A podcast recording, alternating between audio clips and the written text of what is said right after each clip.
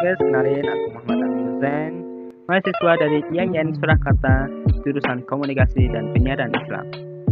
Nah, di podcast yang pertama ini, aku akan menyampaikan tentang analisis kecenderungan pengaruh budaya pop dalam tinjauan konteks psikologi komunikasi. Seiring berkembangnya efek dalam konteks ilmu komunikasi, akhirnya masyarakat diberikan kesempatan untuk menampilkan serta menunjukkan budayanya kepada orang lain melalui internet dan televisi. Di era ini, budaya pop semakin marak dan semakin mudah untuk diakses melalui internet.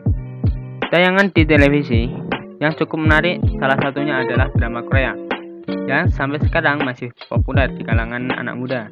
Korea mulai masuk di Indonesia menggantikan serial Jepang ketika Trans 7 menayangkan K-drama yang berjudul Mother Sea di tahun 2002. Setelah itu, stasiun TV lainnya seperti RCTI, B Channel, atau yang sekarang disebut Raja Wali TV, Trans 7 ikut menayangkan K-drama. Di tahun 2015, RCTI menyiapkan 20 serial K-drama yang siap ditayangkan. K-drama hanya ditayangkan di Indonesia setelah buminya beberapa judul K-drama seperti Full House. Ketika televisi lokal banyak menyajikan produk hiburan Korea seperti K-drama, K-pop, dan film Korea, memungkinkan suksesnya Hallyu di Indonesia. K-drama menjadi produk manipulatif dari industri budaya yang menurut Max dan Horkheimer menghasilkan kesadaran palsu karena memanipulasi ideologi. Sepopulernya Korea, banyak tabloid dan majalah membahas tentang Korea, serba-serbi tentang Korea, dari artis, idol, budaya, bahasa, makanan, fashion, banyak dicari dan diminati. Bagaimana majalah-majalah memberitahukan tentang Korea? Merupakan gambaran lain dari kolonialisasi budaya Korea di Indonesia. Tidak hanya iklan di majalah atau di tabloid, namun iklan televisi pun sekarang sudah menggunakan ikon Korea.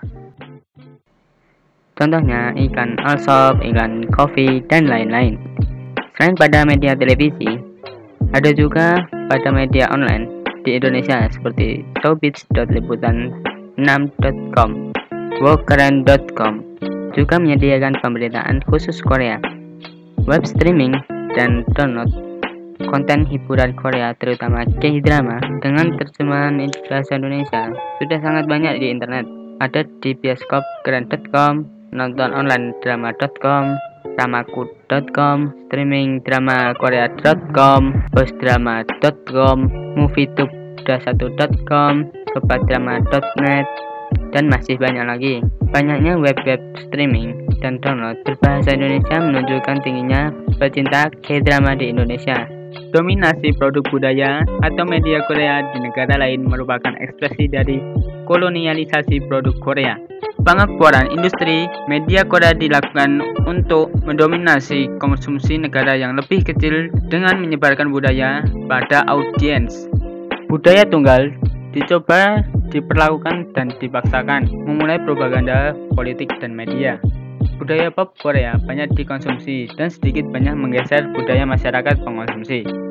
Hal ini dapat terjadi karena Korea secara konsisten menampilkan kebudayaan dalam K-drama karena film yang mereka sebarkan. Apalagi globalisasi dan modernisasi mendukung proses pemudaran nilai-nilai budaya tradisional. Korea menjadi sebuah negara dengan industri budaya yang kuat, mampu mengekspor produk-produk budaya populernya ke luar negeri dan bahkan menyebarkan pengaruh kultural. Kemudian, fenomena Korean Wave tidak hanya muncul sebagai pengaruh budaya, tapi juga membuat Korea Selatan terlihat lebih ramah dan familiar para negara-negara Asia. Lalu pengembangan Korean Wave secara langsung mempengaruhi pariwisata Korea Selatan. Pada tahun 2004, kunjungan wisata sebagai efek dari Korean Wave mempunyai pemasukan 825 juta dolar. Sementara tahun 2011 pemasukan pariwisata sebanyak 937 juta dolar berasal dari pengaruh K-drama. Bahkan di Hong Kong sebanyak 28,3 persen orang yang berkunjung ke Korea Selatan menyatakan terpengaruh oleh K-drama. Angka itu masih lebih kecil dibanding jumlah wisatawan Hong Kong yang berkunjung di negara ginseng karena K-food. Meskipun sebenarnya ketertarikan terhadap K-food juga merupakan pengaruh dari K-drama. Kesuksesan drama Korea sedikit banyak menunjukkan superiorisme dari drama barat atau Hollywood. Asia mampu merepresentasikan dan menampilkan nilai-nilai kepada halayak banyak. Korea Wave banyak kemampuan untuk mendominasi produk dan distribusi produk budaya. Media populer dan media secara berkala diidentifikasi sebagai sumber soft power Secara khusus, budaya populer Korea digunakan sebagai kekuatan untuk mendorong produk budaya dan menaikkan perekonomian negara. Korea Selatan pun sukses melakukan baik di level regional maupun internasional. Produk wave kemudian menjadi refleksi kebanggaan nasional. Menurut saya, dalam kasus ini dikategorikan termasuk teori kultivasi yang berbunyi bahwa televisi memiliki peran penting dalam membentuk sebuah konsep serta cara pandang para penonton televisi terhadap sebuah realitas sosial yang dibentuk melalui televisi tersebut. Selain itu, kesadaran efek masif dan televisi yang menerapkan hal secara bertahap dan terus-menerus tanpa sadar. Oleh karena itu, budaya pop meluas di negara Indonesia dan tidak terlepas dari teknologi maupun internet.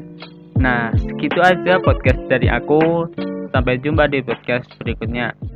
See you.